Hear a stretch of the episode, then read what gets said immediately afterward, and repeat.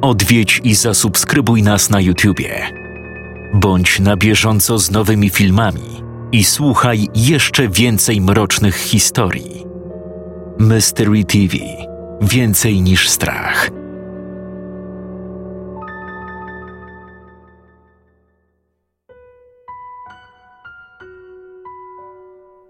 Pamiętasz tę uroczą zabawę ze swojego dzieciństwa? Kiedy razem z dziećmi z osiedla gromadziliście się na podwórkach albo pod blokami i udawaliście, że się lubicie, podczas gdy jednego z nieszczęśników łapał niedźwiedź? Opowieść, którą teraz usłyszysz, nie wymaga od ciebie pałania sympatią do kolegi czy koleżanki. A nawet lepiej, jeśli będziesz się od nich trzymać z daleka. Monika była opiekunką i nauczycielką muzyki w prywatnym przedszkolu na Słomkowej, małym nowym osiedlu na Ruczaju. Nie była nauczycielką z powołania, ale lubiła swoją pracę. Była mało wymagająca i Monika szczęśliwie trafiła na w miarę grzeczną grupę sześciolatków. Jak to często w przedszkolach bywa, grupy wiekowe dzieci mają swoje własne nazwy. W tym przypadku były to misie. Mimo, że grupka była niemal wzorowa, zawsze musiał znaleźć się taki jeden miś, który miał dorosłych co najmniej w nosie. W przypadku grupy Moniki takim delikwentem był Maciuś. Maciuś uwielbiał zabierać zabawki innym dzieciom, a potem je niszczyć. Monika od samego początku starała się mu wytłumaczyć, że tak nie wolno robić. Ale do Maciusia oczywiście to nie docierało, a nawet motywowało do gorszych wybryków. A najgorzej było, kiedy Maciuś skarżył się rodzicom. Państwo milewscy byli typowymi rodzicami z pokolenia ta zupa zawsze będzie zasłona. Nic nie dało im się wytłumaczyć, więc nic dziwnego, że Maciuś zachowywał się tak, a nie inaczej. Pewnego dnia podczas pory leżakowania dzieci postanowiły pobawić się ze sobą w taką jedną grę. Maciuś siedział wówczas obrażony w kącie pokoju, ponieważ wszystkie zabawki były pochowane i nie mógł pokazać, jakim strasznym, czarnym charakterem to on nie był. Monika siedziała wówczas w kuchni i po pewnym czasie zaczęła przysypiać, kiedy z za ściany, zamiast miarowych oddechów śpiących dzieci, usłyszała: Stary niedźwiedź mocno śpi. Stary niedźwiedź mocno śpi.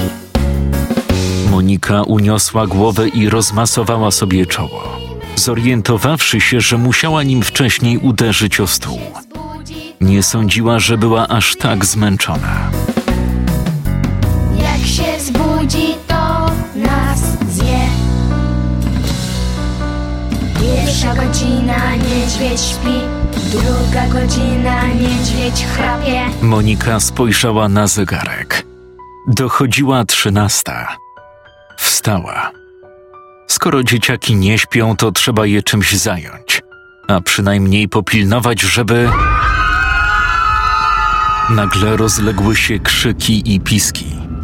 Monika rzuciła się w stronę pokoju zabaw. Jak dla niektórych to mogło wyglądać jak zwykła zabawa wganianego, dopasowana do ostatniego wersu piosenki, gdzie w trzeciej godzinie niedźwiedź łapał. Dla przedszkolanki to tak nie wyglądało. Maciuś znalazł sobie zajęcie i z misia postanowił stać się niedźwiedziem.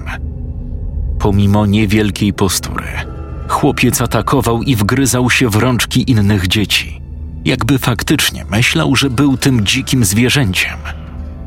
Monika spanikowała. Chwyciła mocno Maćka za ramiona, powstrzymując go przed wyrwaniem włosów koleżance. Dziecko zaczęło wyć i szarpać się. Ostatecznie, po paru minutach szarpaniny, opadł bezsilnie w ramiona Moniki. Przedszkolanka potrząsnęła nim, spodziewając się najgorszego.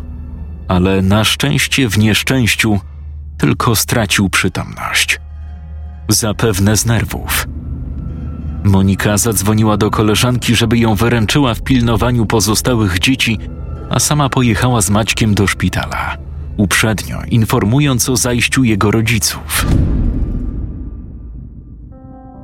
Podczas gdy lekarze zajmowali się małym delikwentem, Monika nie mogła usiedzieć w miejscu, więc zaczęła spacerować po poczekalni.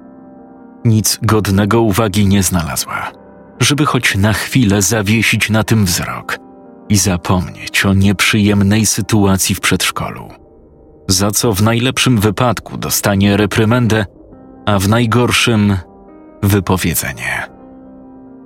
W pewnym momencie coś jednak przykuło jej uwagę. Zdjęcie, a właściwie informacja o osobie zaginionej. Monika podeszła do tablicy informacyjnej i zaczęła czytać. Maja Tych, lat pięć, zaginęła dwa dni temu.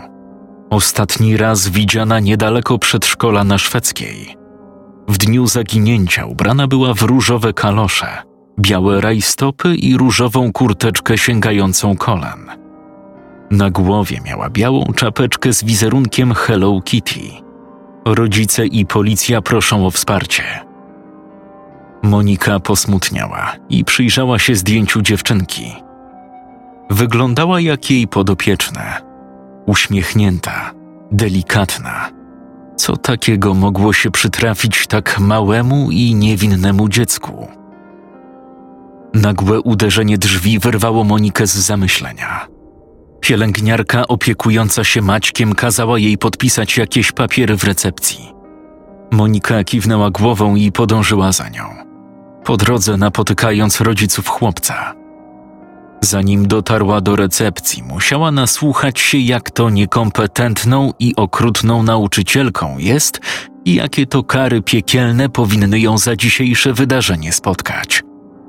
Monika słuchała tego skruszona i przepraszała, choć pięści schowane za plecami miała zaciśnięte. Gdy pan Milewski opowiadał, jak to jego ojciec karał w wojsku nieposłusznych podwładnych i jak to tego typu kara powinna i ją spotkać. Monika od niechcenia zerknęła na salkę, w której leżał Maciek. Nie wyglądało na to, żeby jego stan był poważny. Po prostu stracił przytomność pod wpływem emocji. Przedszkolanka zamierzała przerwać wywody Milewskiego, kiedy zobaczyła coś, co z jakiegoś powodu sprawiło, że zesztywniała. Niedaleko łóżka Maćka, w nieco przycienionym kącie, ktoś stał. Monika zmrużyła oczy. Czy to była kolejna pielęgniarka? Ale nie. Ta była za niska. Zdecydowanie za niska. Mogła mieć nie więcej niż 110 centymetrów wzrostu. Była również za drobna na dorosłego człowieka. Zanim Monice udało się dostrzec więcej, zorientowała się, że niemal przyklejała twarz do szyby w drzwiach. Potrząsnęła głową i ponownie spojrzała w kąt, ale nikogo w nim nie dostrzegła. Zmarszczyła brwi i otworzyła drzwi, wchodząc do środka i rozglądając się. Nikogo poza Maćkiem w salce nie było. Już miała wyjść, kiedy coś jednak dostrzegła. Spinka do włosów. Koło łóżka Maciusia leżała dziewczęca spinka do włosów w kształcie stokrotki. Monika bez zastanowienia podniosła ją i schowała, zanim rozwścieczeni rodzice i zniesmaczona pielęgniarka wyprosili ją na korytarz.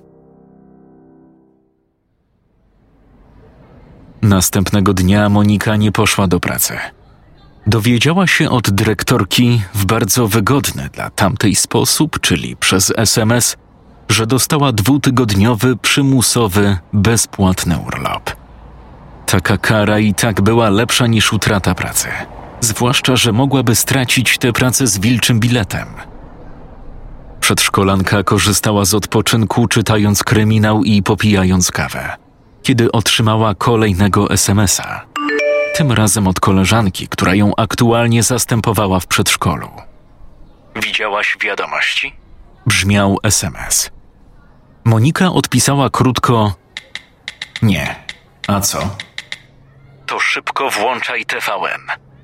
Monika westchnęła, ale zrobiła jak tamta kazała. Pierwsze, co rzuciło jej się w oczy po włączeniu kanału, było zdjęcie znajomej twarzy. Poczuła, że coś w rodzaju stada mrówek na szpilkach przeszło jej po kręgosłupie. Dopiero wtedy usłyszała prezentera. Jeżeli ktoś widział tego sześcioletniego chłopca, proszony jest o natychmiastowy kontakt z jego rodzicami lub policją. Nazywa się Maciej Milewski i ostatnio był widziany wczoraj koło 23 na terenie Wojewódzkiego Specjalistycznego Szpitala Dziecięcego na Strzeleckiej w Krakowie. Nie towarzyszył mu żaden dorosły. Chłopiec znany jest z nadpobudliwości i w ostatnich godzinach przed zaginięciem był hospitalizowany. W dniu zaginięcia ubrany był w niebieską piżamę w czerwoną kratę. Monika poczuła, jak krew odpływa jej z twarzy. I to nie tylko z powodu tych strasznych wieści o zaginięciu Maćka. Podczas gdy prezenter kontynuował, w okienku obok niego zdjęcie Maćka zastąpił krótki filmik pokazujący salkę szpitalną, w której wcześniej przebywał chłopiec. Na miejscu była rozmawiająca z policjantem pielęgniarka. Za nią stało puste, posłane łóżko i jeszcze jedna osoba. Początku Monika myślała, że to wzrok płata jej figle i tworzy postacie z cieni. Ale nie. Znowu to zobaczyła. Nawet nie wiedziała, jak to nazwać. Najpewniej był to człowiek. Mały człowiek. Ale ciężko jej było w to uwierzyć, bo gdy tylko mrugnęła, zniknął. Tak jak wczoraj. A Maciej nie jest pierwszą taką osobą. Przed nim zaginęło siedmioro dzieci w podobnym wieku. Jedno dziecko udało się policji uratować, drugie już nie. O pozostałych nie ma żadnych nowych informacji. Niektórzy twierdzą, że zniknięcia dzieci wiążą się z pewną wiejską legendą. Monika wyłączyła telewizor. Nie mogła już tego słuchać. Była przerażona i w pewnym sensie pusta w środku. Było dopiero po osiemnastej, ale postanowiła już położyć się spać. Dość szybko zmorzył ją sen. Przez pierwsze kilka godzin miała normalne, nic nieznaczące sny. W pewnym momencie poczuła się niekomfortowo i otworzyła oczy. W pokoju było ciemno. Zerknęła na zegar cyfrowy obok łóżka. Druga pięćdziesiąt dziewięć. Środek nocy. Ułożyła się z powrotem do snu.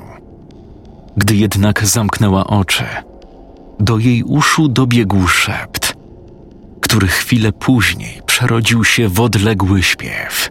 Stary niedźwiedź mocno śpi.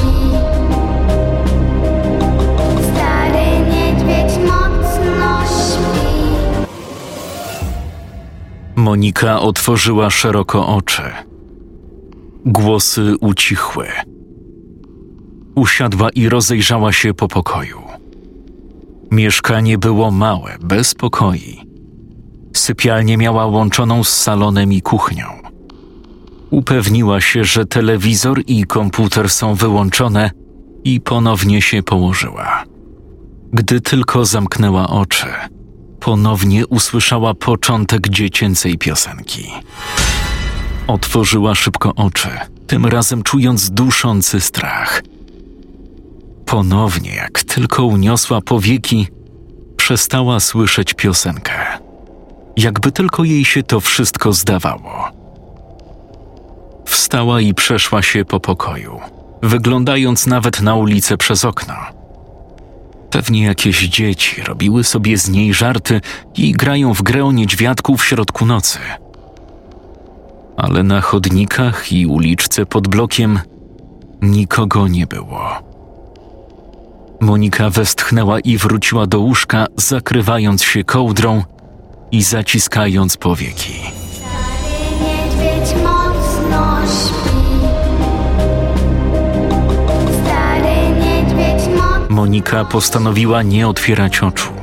Jeśli to koszmar, to przecież może wysłuchać piosenki do końca.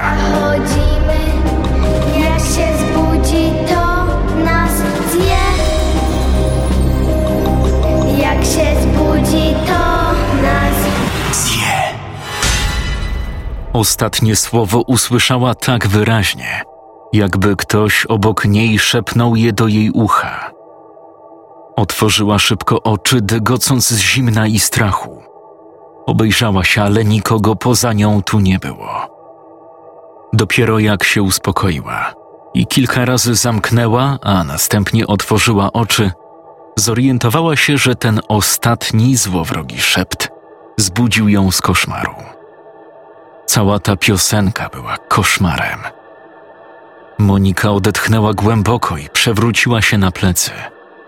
Jednak nie była już w stanie zasnąć tej nocy. Następnego dnia poszła na miasto dowiedzieć się więcej o tych zaginięciach dzieci. W pewnym sensie dręczyło ją poczucie winy za to, co spotkało Maćka. Gdy siedziała w ogródku kawiarni i popijała kawę, zauważyła, że nieopodal dzieci bawiły się w ganianego. To coś Monice przypomniało. Gdy kelnerka przyniosła jej kawałek sernika, Monika zagadała do niej. Hej, przepraszam. Wiesz może o jakiejś wiejskiej legendzie związanej z dziećmi? Kelnerka pokręciła głową i odrzekła: Nie bardzo rozumiem pani pytanie. O co dokładnie chodzi? Tak naprawdę to sama nie jestem do końca pewna, dlatego chciałam uzyskać więcej informacji. Słyszałam, że zaginięcia dzieci, o których ostatnio jest głośno w mediach, mogą wiązać się z jakąś tam legendą. A, to. Tak, też o tym słyszałam. Jednak nie pomogę pani, ponieważ sama nie znam szczegółów. Wiem tylko, że miałoby to mieć związek z jakąś rymowanką albo piosenką. Co do tego to nie jestem pewna. Ale do każdego tajemniczego zaginięcia czy morderstwa przypisywane są absurdalne wytłumaczenia, więc na pani miejscu nie wierzyłabym w to. Z jakiegoś powodu ciarki przeszły Monikę po plecach. Piosenką? Gdy kelnerka odeszła, przedszkolanka pogrążyła się w myślach, z których po chwili wyrwał ją szept. Halo? Monika wzdrygnęła się zaskoczona i spojrzała w prawo. Do jej stolika przysiadła się starsza kobieta ubrana w gruby, kolorowy sweter i czarny kapelusz, spod którego wypływały przetłuszczone szare loki. Staruszka wysłała Monice szeroki, wybrakowany uśmiech, choć jej oczy pozostały smutne. Również nie pachniała zbyt ładnie, więc najpewniej była bezdomną. W czym mogę pomóc? Zapytała Monika z oporem, zaciskając palce na swojej torebce. To ja chciałabym ci pomóc, powiedziała kobieta niskim, ochrypłym głosem. Uśmiech nie schodził jej z twarzy, co Monikę bardziej zaniepokoiło niż kiedy ta rzuciłaby się na jej pieniądze. Słyszałam waszą rozmowę o wiejskiej legendzie. Wie pani coś o niej? Monika w momencie zapomniała, z kim właśnie rozmawia. Oczywiście. Moja rodzina pochodzi z okolic wioski, w której ta legenda powstała, a właściwie w której ta historia się wydarzyła. Kobieta zrobiła pauzę, jakby chciała porozkoszować się napięciem, jakie stworzyła. Stało się to dwadzieścia lat temu w małej wiosce pod Słomnikami, która już nie istnieje i której nazwy już nie warto przywoływać. Wioska była dość biedna, nie miała nawet szkoły. Dzieci uczyły się w domach od rodziców, jako że co nielicznych tylko było stać na samochód, żeby dowozić dzieci do najbliższego miasta do szkoły. Mieszkańcy utrzymywali się z roli i hodowli zwierząt. Raz na tydzień przyjeżdżał dostawca ze Słomnik, który przywoził asortyment do sklepów, a następnie odwoził zbiory i mięso od mieszkańców, by prowadzić sprzedaż. Sama wioska przez niektórych postrzegana była jako przeklęta, ale to głównie z powodu średniowiecznej i ponurej atmosfery, która tam panowała, oraz kultu religijnego niektórych rodzin. Ponieważ dzieci były uczone w domach i dostawały materiały szkolne od dostawcy, a także nie posiadały komputerów, dużo czasu spędzały ze sobą, grając w różne gry na pustej ulicy. Pewnego dnia jedno z niewielu dzieci, którego rodzice mieli wykształcenie i pochodzili z większego miasta, zostało nauczone przez swojego ojca pewnej piosenki. Była to popularna piosenka Kołysanka, do której również stworzono grę ruchową dla najmłodszych. Był to Stary niedźwiedź mocno śpi. Dzieciom od razu przypadła do gustu ta piosenka i zaczęły ją codziennie praktykować. Nieważna była pora dnia. Zdarzało się nawet, że po zmroku mieszkańcy mogli usłyszeć ciche śpiewanie, a nawet nucenie tej piosenki. Niestety, wkrótce zdarzył się straszny wypadek. Gromadka dzieci pobiegła bawić się nad rzekę i już stamtąd nie wróciły. Dzień później, w rzece, znalazł je farmer prowadzący krowę na swoją drugą posiadłość. Dzieci się utopiły.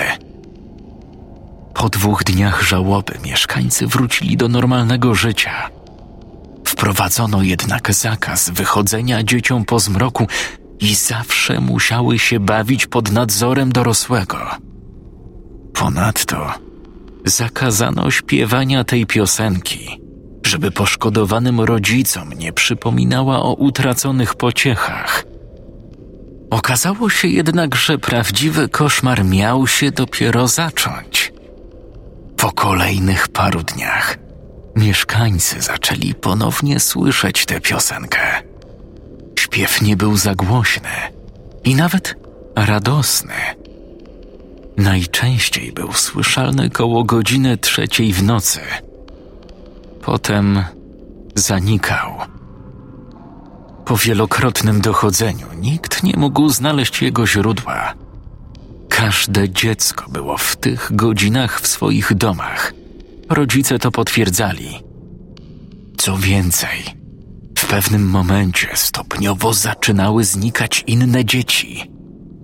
Niektórych ciała znajdowano po paru godzinach, a niektórych nie znaleziono do tej pory.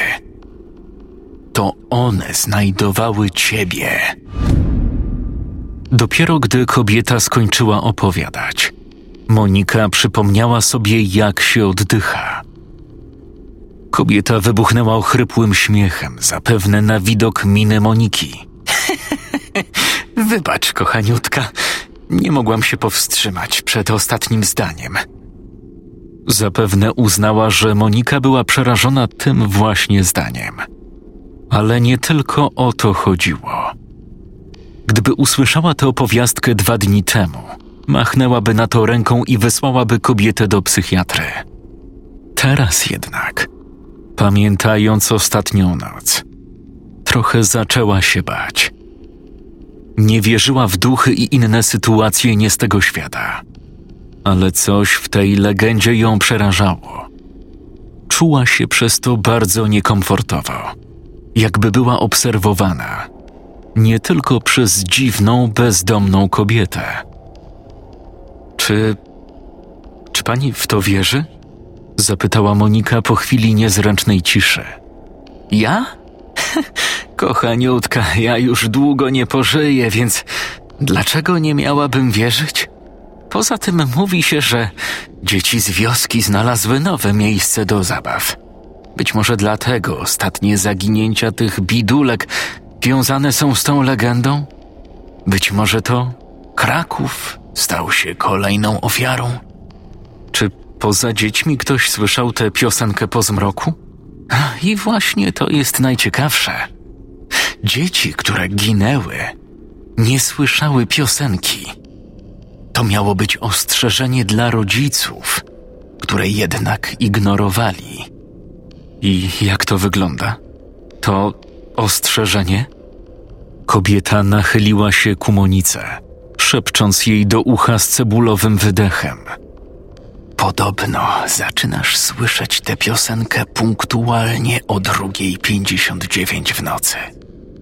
I zanim się zorientujesz, jest już trzecia.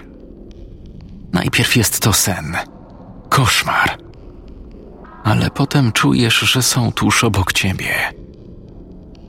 Najdziwniejsze jest to, że słyszysz śpiewanie tylko jak zamkniesz oczy. Gdy je otwierasz, nastaje cisza, jak gdyby nic się nie stało. Monika poczuła, że ma gęsią skórkę na całym ciele, a następnie przypomniała sobie to straszne uczucie nieuzasadnionego lęku podczas dzisiejszego snu. Im dłużej słuchała dziecięcego śpiewania, nie wiedziała dlaczego, ale musiała zadać to pytanie. A. A co się dzieje, jak się wysłucha piosenki do końca? Gdy bezdomna kobieta to usłyszała, pobladła. Nagle chwyciła Monikę za przód bluzki i przyciągnęła ją do siebie. Absolutnie nie wolno tego robić. One tylko na to czekają. Dlaczego? Co się wtedy dzieje? Kobieta nie odpowiedziała, tylko wstała i zanim Monika zdołała ją powstrzymać, uciekła z ogródka. Przedszkolanka była zmieszana.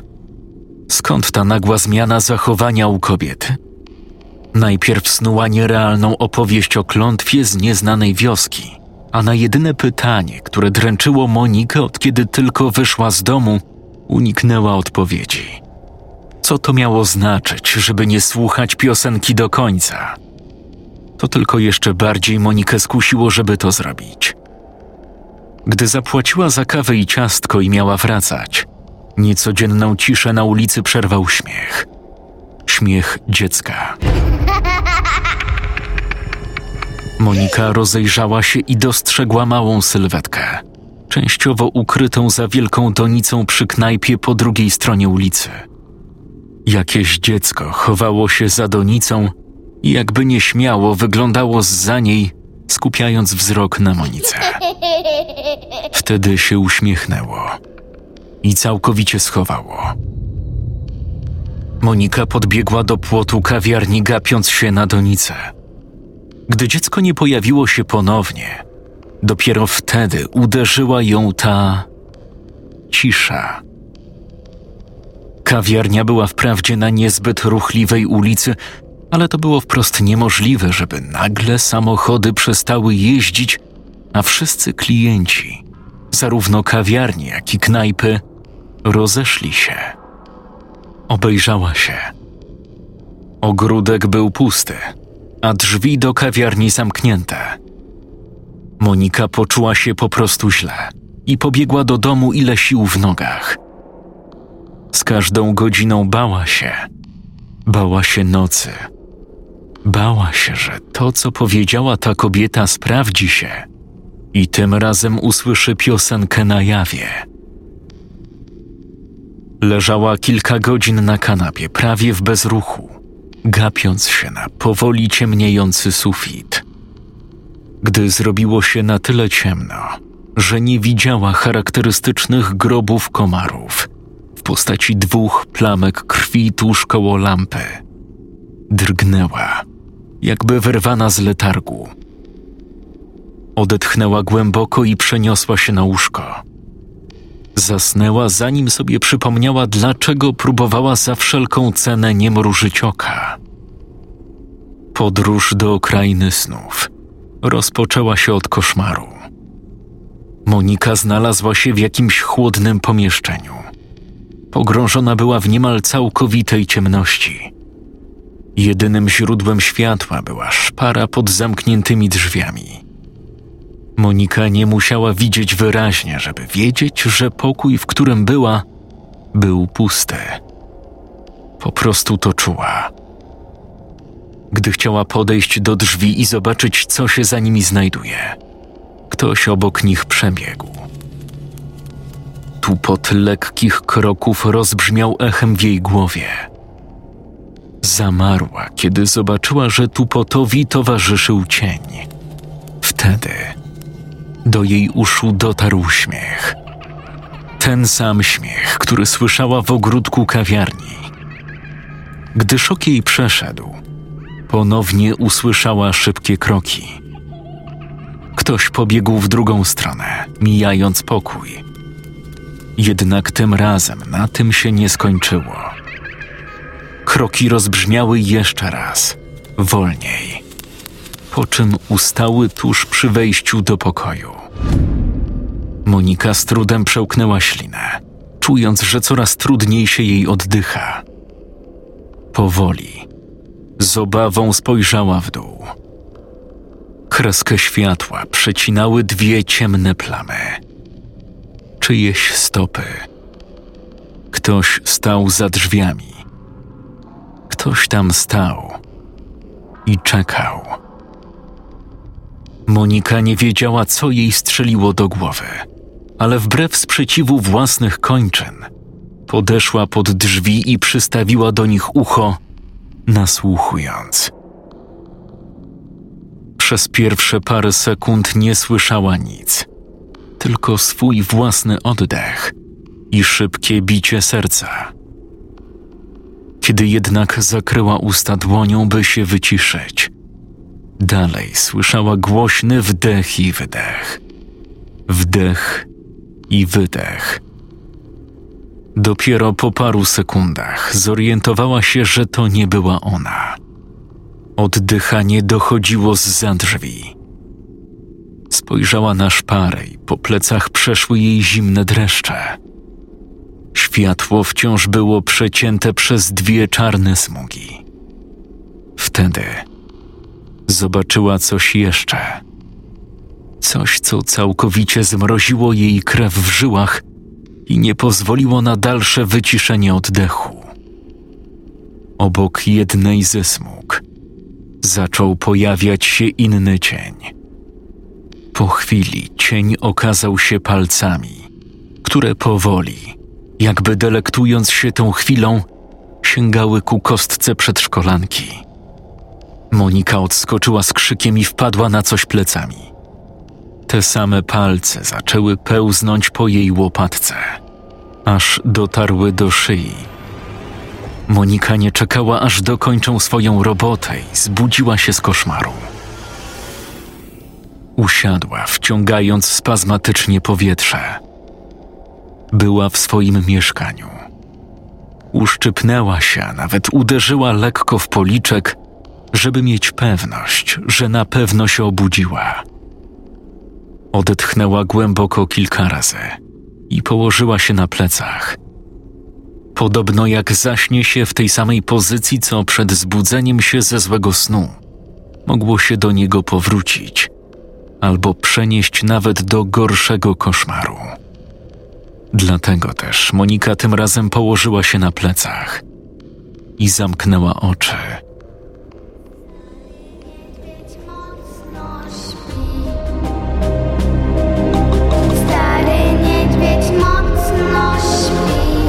Natychmiast otworzyła je z powrotem, czując jak serce bije jej w piersi tak mocno, jakby trzymała tam przerażone piskle, chcące się wydostać i odlecieć w przestworza. Ponowiła uderzenie w twarz. Zabolało. Podobno zaczynasz słyszeć tę piosenkę punktualnie o 2.59 w nocy. I zanim się zorientujesz, jest już trzecia. Najpierw jest to sen, koszmar, ale potem czujesz, że są tuż obok ciebie. Przypomniała sobie słowa bezdomnej kobiety i odruchowo spojrzała na zegarek. Na jej oczach cyfry 5 i 9 zmieniły się w dwa zera. Trzecia w nocy.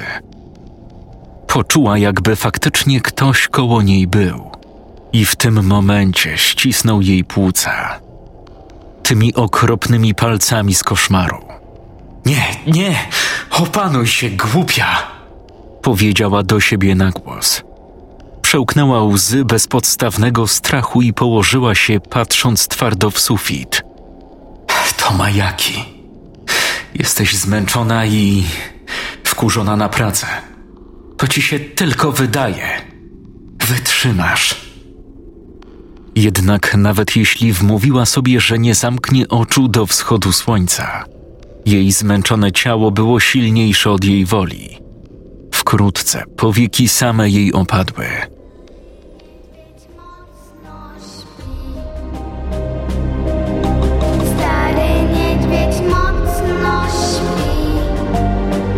Zacisnęła powieki mocniej. No właśnie, bo co może się stać? Z jednej strony była przerażona, ale z drugiej ciekawa, co się stanie, jak wysłucha piosenki do końca. W tym momencie poczuła obciążenie na kołdrze w okolicach łydek. Tak zacisnęła usta i zęby, że przygryzła sobie wargę. Nieopisany strach złapał ją za gardło, kiedy poza obciążeniem zmierzającym w górę łóżka i poza słowami piosenki usłyszała czyjś oddech. Coraz bliżej i bliżej. Gdy poczuła go tuż przy uchu, nie wytrzymała i otworzyła oczy, zanim rozbrzmiał ostatni wers piosenki. Krzyknęła i zapaliła lampkę nocną, kuląc się przy ścianie. Nikogo nie było. Nikogo tu nie było. Poklepała się kilka razy po policzku, by się rozbudzić i przypadkiem nie zamknąć znowu oczu. Nagły, cichy dźwięk upadania czegoś lekkiego sprawił, że podskoczyła, jakby ktoś walnął pięścią w ścianę za nią. Odczekała parę sekund, po czym wychyliła się z łóżka. Z szafki nocnej spadła spinka, którą znalazła w pokoju szpitalnym Maćka. Sięgnęła po nią i przyjrzała się jej dokładnie. Nic nadzwyczajnego. Zwykła dziewczęca spineczka do włosów. Gdy chciała ją odłożyć na miejsce, zamarła w połowie zamiaru, widząc przed sobą małe nóżki w różowych kaloszach i białych rajstopach. Z gardła Moniki wyrwał się jęk. Uniosła trochę wyżej wzrok. Nad kolanami zaczynał się różowy płaszczek. Od pasa w górę postać była zacieniona, więc nie była w stanie zobaczyć twarzy, ale poczuła, że skądś zna właścicielkę białych rajstop i różowego płaszczyka.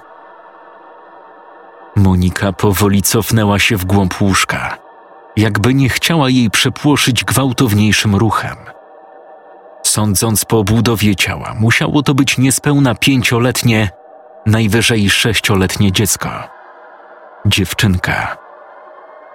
Gdy przedszkolanka w ciszy ściskała spinkę, dziewczynka powolutku uniosła prawą rączkę i wskazała palcem na zaciśnięte dłonie Moniki.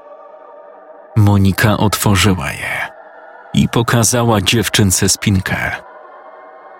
To twoja? Dziewczynka nic nie odpowiedziała, tylko opuściła rączkę i zaczęła cichutko recytować. Pierwsza godzina, niedźwiedź śpi. Monika pisnęła i skuliła się, zakrywając uszy rękami. Oczy miała szeroko otwarte i wpatrywała się w swoje kolana.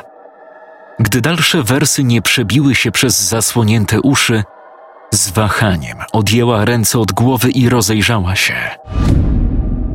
Dziewczynka zniknęła. Śpiew też. Monika uniosła kołdrę drżącymi dłońmi i opatuliła się nią, przymrużając zapuchnięte oczy. Gdy cisza się przeciągała, zamknęła je. Na próbę. Nic nie usłyszała i zapadła w niespokojny sen aż do wschodu słońca.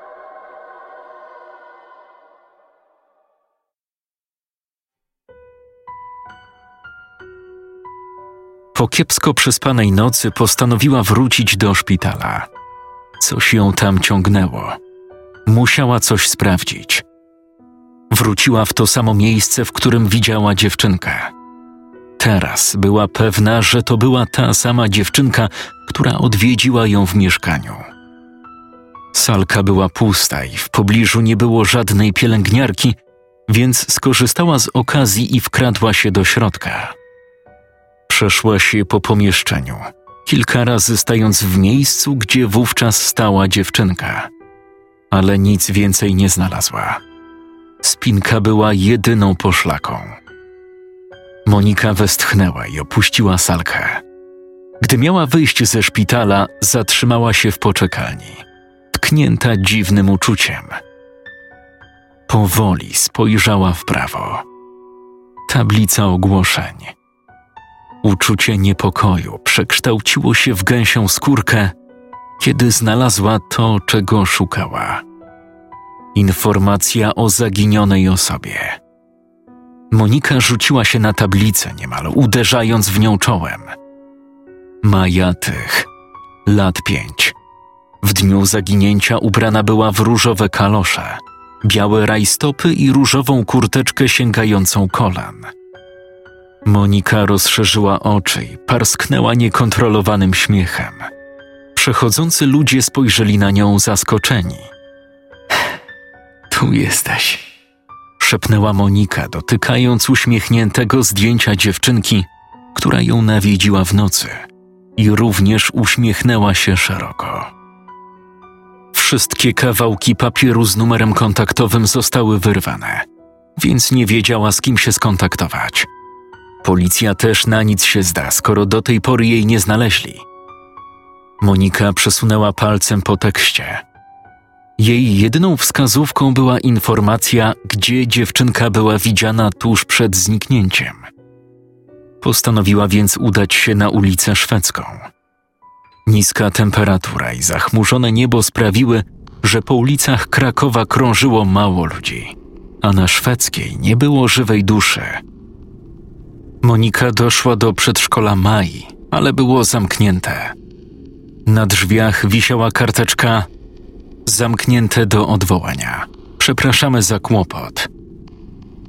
Monika zmarszczyła brwi i poszukała w internecie informacji o zaginionych dzieciach. Maja, Oliwka, Marcel, Karol. Czwórka zaginionych dzieci chodziła do tego przedszkola. Według wiadomości siedmioro zaginęło, z czego dwójkę odnaleziono. Jedno żywe i jedno martwe. Dołączając do zaginionych Maćka, aktualnie pobyt sześciorga dzieci był nieznany. Nie było również szczegółów dotyczących tego odratowanego dziecka, więc Monika nie miała dodatkowego źródła informacji. Pozostało jej przejść się po okolicy i domyślać się, w jaki sposób dzieci mogły zniknąć. Osiedle nie było na odludziu, więc ktoś musiał je widzieć. Samotnie szwendające się pięcioletnie dziecko powinno zaniepokoić każdego dorosłego. Przedszkolanka przypytała kilka babci balkonowych z bloku znajdującego się najbliżej przedszkola, ale żadna nie była w stanie udzielić jej odpowiedzi. Gdy Monika już miała się poddać, w przepełnionej ciszą okolicy usłyszała odgłos kroków. Brzmiało to tak, jakby ktoś powoli szedł trawnikiem i właśnie złamał gałązkę pod stopą. Potem kroki ustały. Monika odwróciła się. Powiew wiatru zaszeleścił listowiem. Ciarki przeszły jej po plecach. Kolejny podmuch przyniósł ze sobą śmiech dziecka. Ten sam, który słyszała wtedy w kawiarni. Odwróciła się gwałtownie i zdołała uchwycić wzrokiem małą postać wbiegającą do budynku po drugiej stronie ulicy. Monika podążyła za nią. Opuszczony i rozpadający się budynek był z pewnością złym omenem, ale Monika była tak zdesperowana poznać prawdę, że nie zawahała się ani na chwilę. Weszła do zniszczonego holu. Wszędzie było pełno kurzu, pajęczyn i wybrakowań. Jakby nie tyle budynek został zniszczony przez czas, ale w ogóle nie został wykończony. Wyciągnęła komórkę i włączyła latarkę, ponieważ z każdym krokiem robiło się coraz ciemniej. Po chwili wyszło na jaw, że to przez brudne okna, z czego im dalej szła, tym mniej było okien. Jakby firma budowlana nie wzięła pod uwagę, że inne pomieszczenia też powinny mieć dojście do naturalnego światła. Monika minęła kilka pomieszczeń i zorientowała się, że znalazła się w noclegowni dla bezdomnych. W każdym pokoju było po kilka łóżek, a nieprzyjemny zapach, który właśnie dotarł do jej nozdrzy, przypomniał jej starą kobietę z kawiarni. Tylko jaką wskazówkę dotyczącą zaginionych dzieci mogła znaleźć tutaj? Wtedy to usłyszała. Dziecięcy śmiech. Spojrzała za siebie w ciemny korytarz. Przepełnił ją nieopisany strach na samą myśl, że miałaby tam pójść. Zacisnęła dłoń na telefonie i powoli ruszyła w kierunku radosnego, dziecięcego głosu. Jak to się mówi, śmiech dziecka jest czymś najpiękniejszym na świecie. Chyba że jest to śmiech w opuszczonej noclegowni dla bezdomnych. Nagle Monika potknęła się o coś i upadła na kolana, wypuszczając z dłoni komórkę jednocześnie tracąc jedyne źródło światła. Zamarła, nie wiedząc co robić. Wokół panowała nieprzenikniona ciemność i głucha cisza. W końcu Monika zebrała się w sobie i zaczęła macać podłogę w poszukiwaniu telefonu. Gdy przeszła na czworaka dwa metry, śmiech rozbrzmiał tuż obok niej, razem z tupotem nóg. Monika jęknęła i skuliła się, przypominając sobie swój ostatni koszmar. Odczekała kilka sekund i wróciła do poszukiwań. W końcu znalazła telefon. Włączyła latarkę i rozejrzała się gorączkowo we wszystkie strony. Pusto. Była sama. Odetchnęła i wstała, tym razem przyspieszając kroku, dzięki czemu znalazła się z powrotem w holu w niecałą minutę. Gdy próbowała sobie przypomnieć, skąd dokładnie usłyszała śmiech, gdzieś nad nią rozległy się kroki. Skierowała latarkę wyżej i zobaczyła schody. Z trudem przełknęła ślinę. Lewą ręką ścisnęła spinkę w kieszeni, a prawą telefon i ruszyła w dalszą drogę. Na pierwszym piętrze pokoje nie były umeblowane jak te na parterze, i tutaj już nie było żadnego okna. Albo architekt, albo budowlańcy musieli znaleźć się na rynku pracy zupełnie przypadkowo, skoro nie znali podstawowego planu budowy. Chyba, że to był przemyślany, chory projekt. Monika minęła wszystkie pokoje i doszła do końca korytarza. Nic godnego uwagi nie znalazła. Westchnęła i odwróciła się z zamiarem powrotu na parter, kiedy natrafiła na coś latarką. Kilka kroków od niej stała właścicielka białych rajstop i różowego płaszczyka. Majatych. Monika uniosła drżącą rękę, kierując światło na twarz dziewczynki. Jednak była ona ukryta za burzą loków. Maja uniosła prawą rączkę i wskazała nią na pokój po swojej prawej stronie. Chcesz, żebym tam weszła? zapytała Monika. Maja powoli kiwnęła głową, po czym wskazała palcem na kieszeń przedszkolanki, gdzie miała schowaną spinkę. Monika dotknęła jej z niepokojem. Czyli to wszystko przez ten przedmiot? Pokój niczym się nie wyróżniał. Był pusty i niewielkich rozmiarów. Monika odwróciła się, chcąc zadać dziewczynce kolejne pytanie, ale jedyne co napotkała to zamknięte drzwi.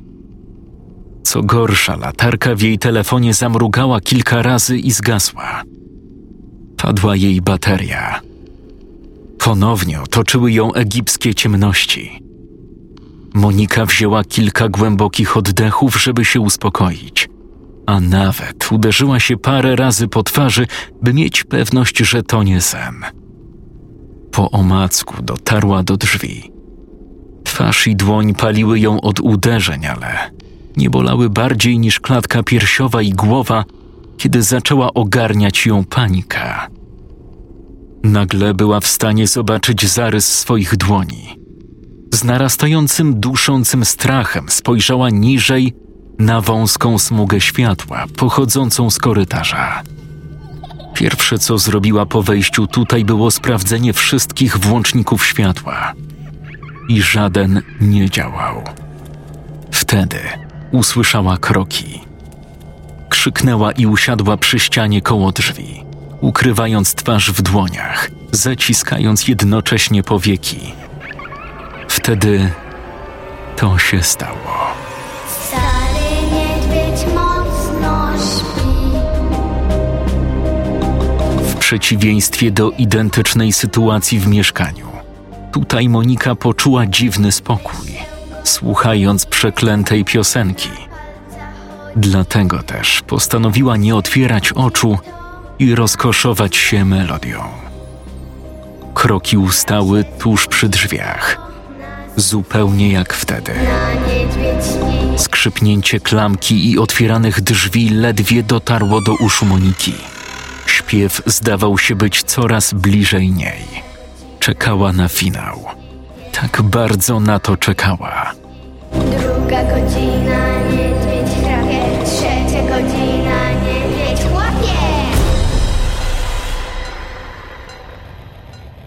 Po ostatnim wersie zapadła cisza. Monika uspokoiła oddech i już miała otworzyć oczy, kiedy nagły śmiech, pochodzący nie od jednego dziecka, a jakby od całej gromadki, wypełnił pokój i znowu zamarła w bezruchu.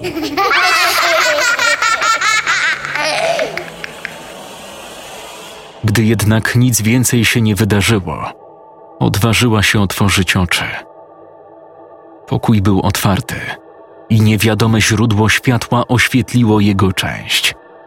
Monika uniosła wzrok półprzytomna. W półokręgu kilka kroków przed nią stały dzieci. Czwórka. Nie. Więcej. Co najmniej siódemka dzieci. Część z nich miała na sobie pełny ubiór. Część była boso i w poobdzieranych ubrankach. Monika próbowała dojrzeć wyrazy ich twarzy, jednak były one zacienione. Poza twarzą jednego bosego dziecka, któremu było widać jeszcze dolną część twarzy. Nagle tę twarz wykrzywił szeroki uśmiech. Nie wiedzieć czemu. Monika również się uśmiechnęła. Pobawisz się z nami? Monika kiwnęła głową i wyciągnęła rękę ku dłoni chłopca. Ale zanim ją złapała, poczuła zimne palce na szyi, które następnie przesunęły się na jej oczy. I zapadła ciemność.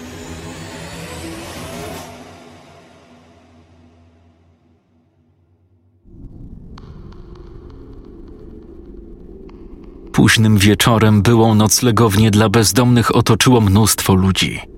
Policjanci i medycy sądowi rozeszli się po całym budynku, szukając jakiejkolwiek przyczyny, która by im wytłumaczyła, jak mogło dojść do takiej tragedii. Osoba, która zaalarmowała o niepokojących odgłosach dochodzących z budynku, siedziała na schodkach wejściowych, bardzo roztrzęsiona. Dobry wieczór. Dawid Leśniak, policja. Czy to od pani otrzymaliśmy telefon? Starsza kobieta spojrzała na policjanta błędnym wzrokiem i kiwnęła głową. Tak, ode mnie.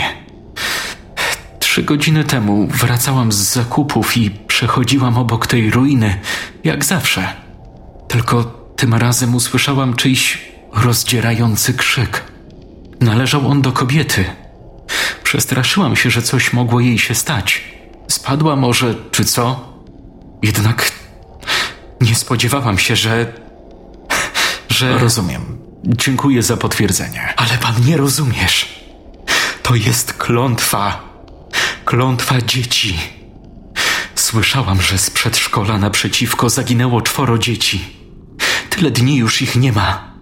Na pewno gdzieś umarły. Tak było kiedyś we Wrocławiu, a jeszcze wcześniej w Warszawie. Klątwa dzieci krąży po kraju, panie władzo.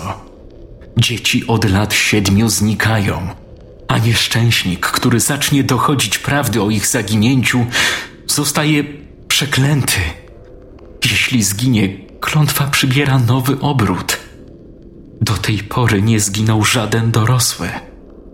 Czy. czy ta kobieta zginęła?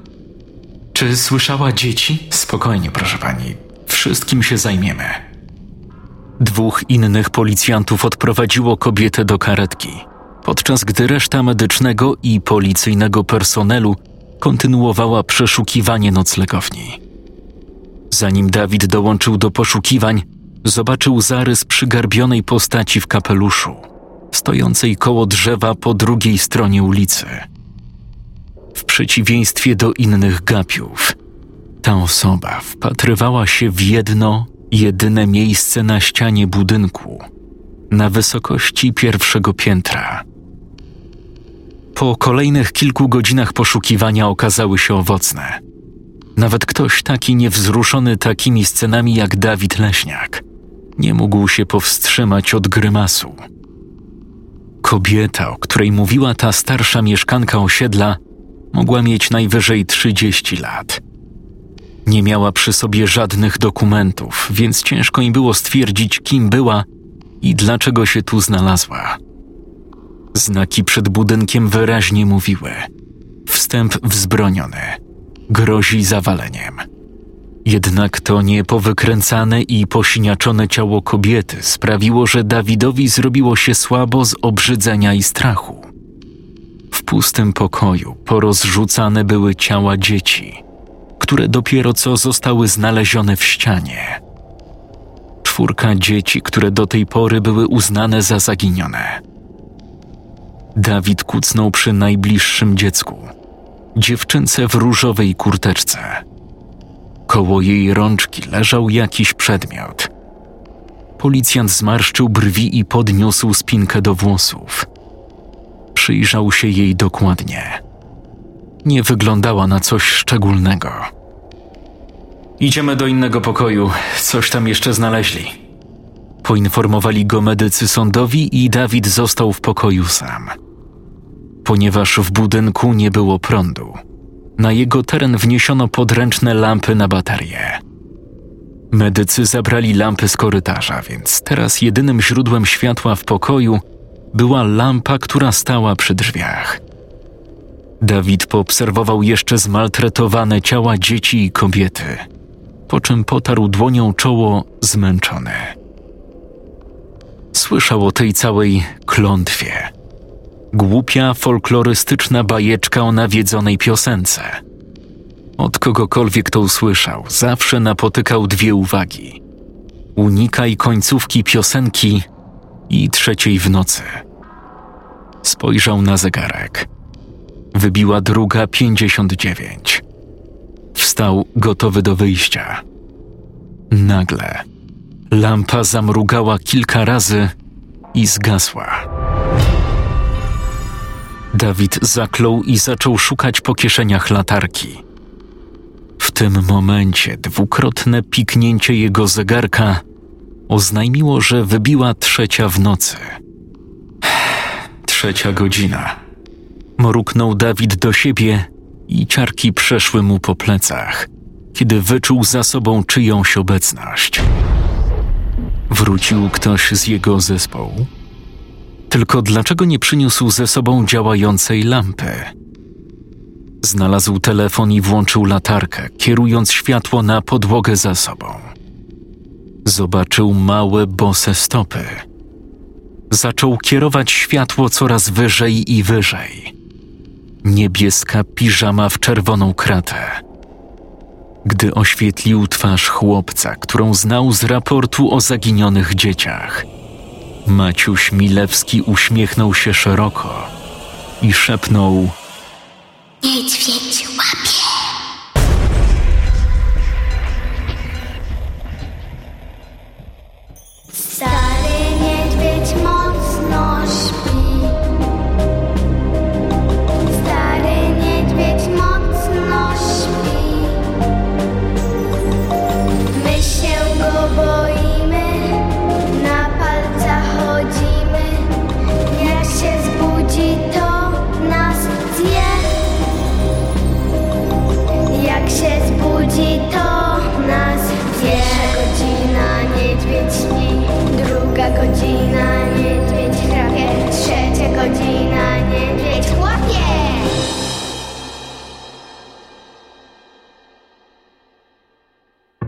odwiedź i zasubskrybuj nas na YouTubie.